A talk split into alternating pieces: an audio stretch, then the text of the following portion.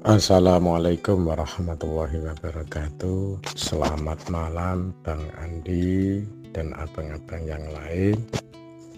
Ini testimoni saja.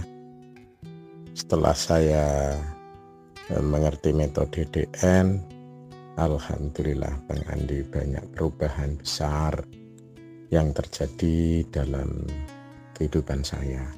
Tapi perubahan itu ke arah yang positif. Alhamdulillah. Terima kasih Bang. Kemudian saya ingin juga mohon pencerah, pencerahannya. Setelah mengamalkan DN Bang ini yang saya alami di pada saya itu sering sekali eh, tubuh ini seperti ada gemetaran, ada apa kemudian ada goyangan seperti ada yang eh, apa namanya bernapas sendiri di dalam. Tetapi semua itu memang saya sadari. Kemudian yang saya tanyakan itu apakah itu pengaruh murni dari DN atau ada gangguan lain Bang ini yang sering saya alami di aktivitas sehari-hari tidak hanya waktu santai saja. Itu terasa daya.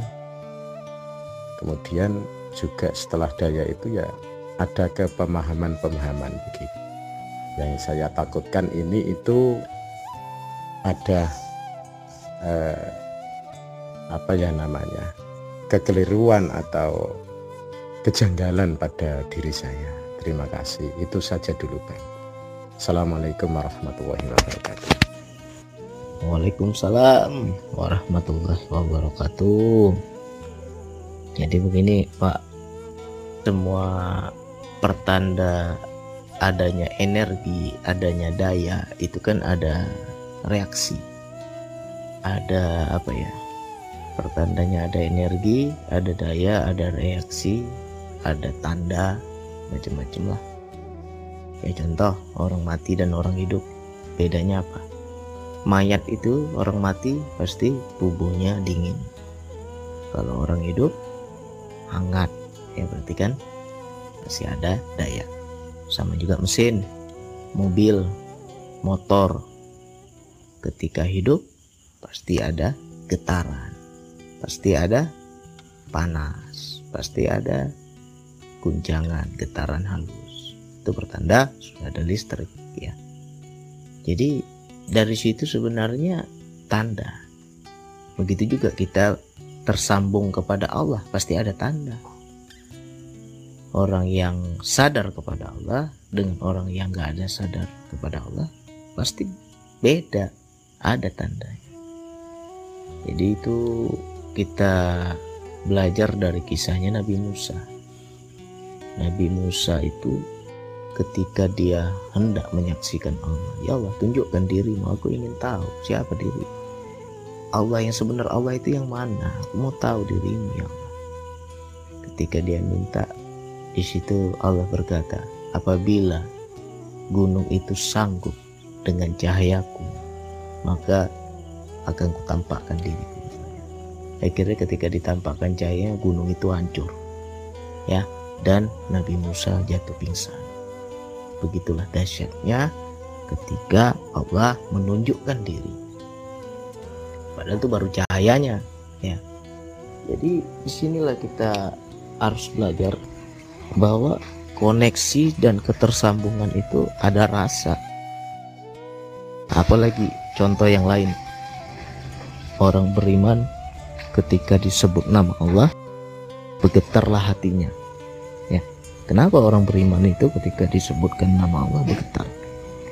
Berarti di situ ada koneksi. Mungkin sangat sering kita mendengar nama Allah yang nggak ada getaran, nggak ada kita getaran.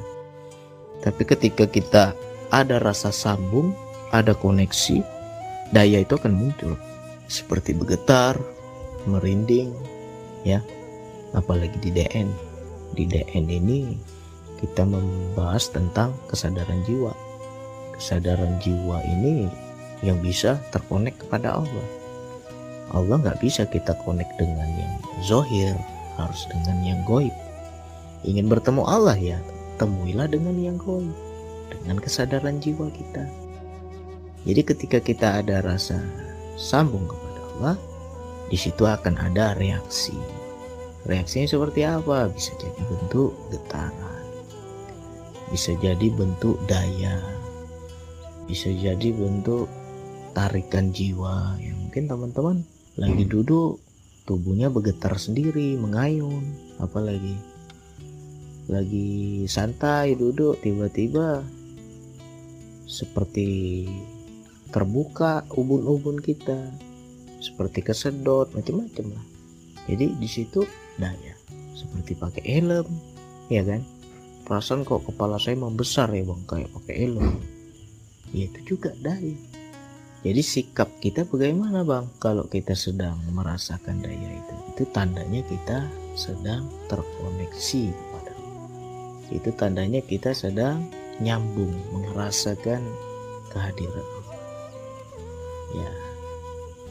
Terkadang ya kita nggak nggak konek ke Allah tapi daya dulu kita konek ketika merasakan dayanya baru kita nyambung kepada itu kan apa ya istilahnya?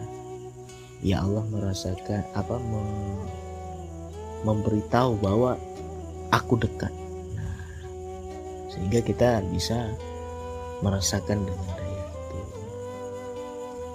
Jadi sangat banyak teman-teman yang yang baru mulai belajar zikir nafas ya di situ dia akan peka bisa jadi sebulan dua bulan itu akan lebih banyak peka kepada daya.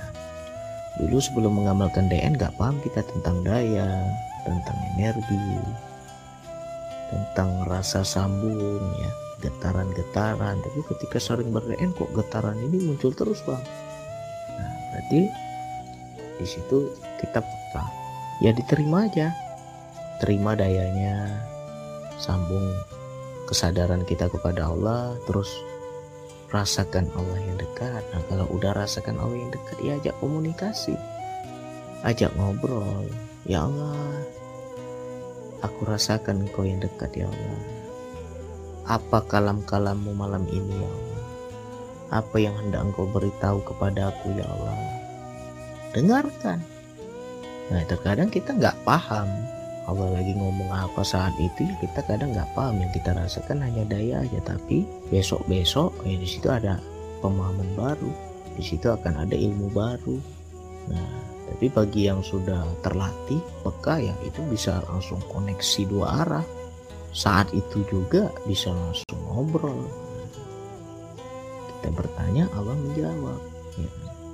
jadi ya jangan terlalu hanyut. Ya ini nggak boleh juga makanya banyak orang-orang teman-teman yang sudah mulai peka pada daya ini terkadang ya bawaannya ngantuk bawaannya mau merem bawaannya ketarik ya apalagi. Ya pokoknya lemes lemesnya lemes enak kayak orang ngefly ya kan? Yaitu saat terkoneksi kepada Allah. Terima aja dayanya walaupun kita belum paham maknanya apa tujuannya apa maksudnya apa ya terima aja prasangka baik itu jangan dianggap ada yang salah. Jangan dianggap ada yang jelek. Enggak lah itu bagus. Kita berpikir insya Allah itu kita lebih peka lebih paham itu intinya tandanya daya turun.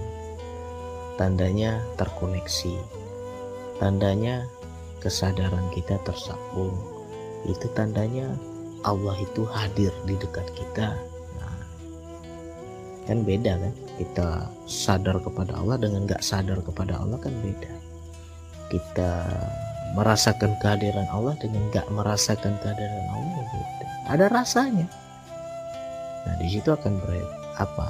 Akan ada efek pada jasad. Ya ibarat mesin. Mesin kalau sudah dialiri listrik ya pasti ada panas pasti ada getaran. Itu kan tandanya sudah hidup itu tandanya sudah terkoneksi. Itu tandanya ada daya. Ya sama juga lah kayak tubuh kita ini. Pasti ada tanda-tanda tinggal kita terima tapi nggak boleh terlalu hanyut makanya banyak orang-orang yang baru mulai peka di situ kadang dia hanyut. Hanyut yang bagaimana bang? Ya pokoknya bawaannya mau merem aja. Perasaan ngantuk apalagi perasaan lemas apalagi ya kadang kalau terlalu diikuti gol apa daya itu ya bisa kejang-kejang. Kalau kita terlalu mengikuti rasanya bisa kejang. Gunung aja hancur. Nabi Musa aja pingsan apalagi kita? Kalau kita ikuti dayanya ya bisa-bisa seperti itu. Jadi jangan terlalu hanyut pada rasa ya. Mudah-mudahan bagi teman-teman yang lain bisa paham. Bagi yang sudah merasakan ya syukuri diterima aja dayanya. Bagi yang belum jangan diminta-minta. Karena nggak semua orang dapat seperti itu. Suka-sukanya Allah. Allah mau kasih sama siapa ya suka-sukanya dia lah jadi bagi kita yang nggak bisa begitu ya jangan minta-minta. Itu namanya nafsu. Ya mudah-mudahan ini bisa dipahami. Sekian dari saya. Wassalamualaikum warahmatullahi wabarakatuh. Terima kasih Bang Andi atas pencerahannya. Persis apa yang dikatakan Bang Andi tadi yang saya alami. Bahkan saya mendengarkan audio Bang Andi kepala saya muter-muter ia digoyang-goyang sampai saat ini. Bahkan pernah pengalaman di dalam kelas saya ngawasi ujian. Itu sempat kejiwa. Padahal ya duduk ngawasi ujian itu tapi Alhamdulillah saya berdoa di situ. Ya Allah kalau memang masuk ke jiwa tolong ya Allah jangan sampai saya itu mendengkur atau ngorok itu. Dan ternyata memang tidak ngorok Bang Andi. Itu pengalaman menggelikan juga itu. Terima kasih Bang Andi atas pencerahannya. Assalamualaikum warahmatullahi wabarakatuh. Alhamdulillah ini kalau ngomong hasil laku hasil praktek senang saya. Jadi dayanya juga turun perintahnya juga turun lanjutkan kata Allah ya udah lanjut. Ya. Jadi mengenai pengalaman-pengalaman Pak Rumat itu sangat bagus. Istilahnya kan setiap perjalanan kita cerita sehingga saya bisa memberi tahu selanjutnya ke mana lagi arahnya.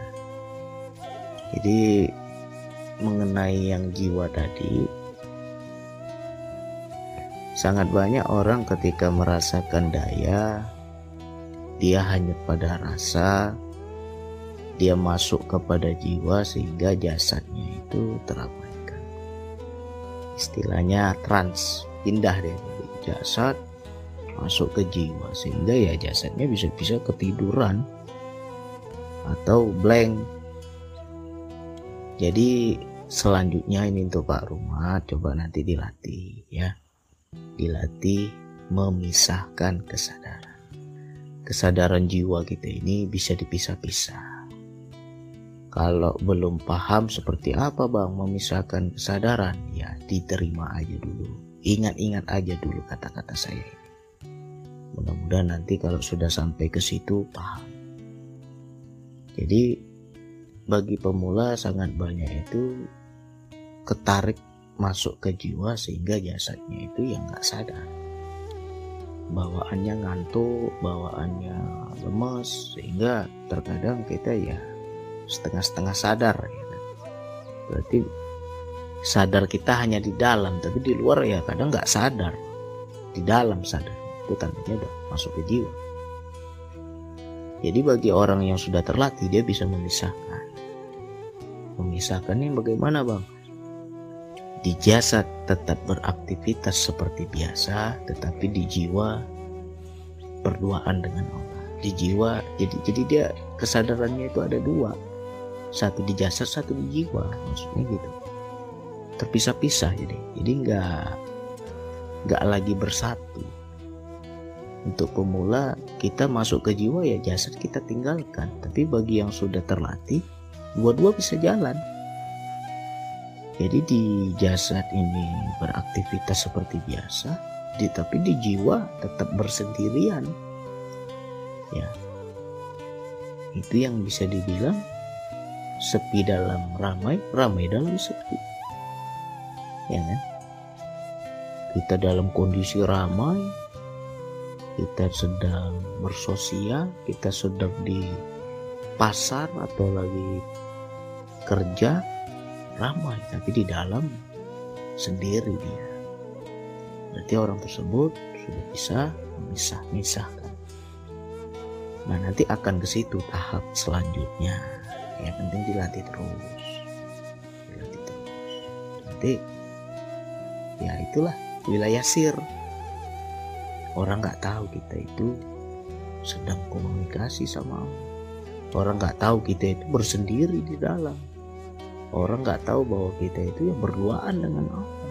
Yang orang lihat zohir kita ya beraktivitas seperti biasa tetapi di dalam masuk ruang kosong di dalam berduaan di dengan Allah. Nah jadi di situ terkadang luar biasa kesadaran jiwanya nanti pelan-pelan saya buka. Yang penting cerita dulu pengalamannya.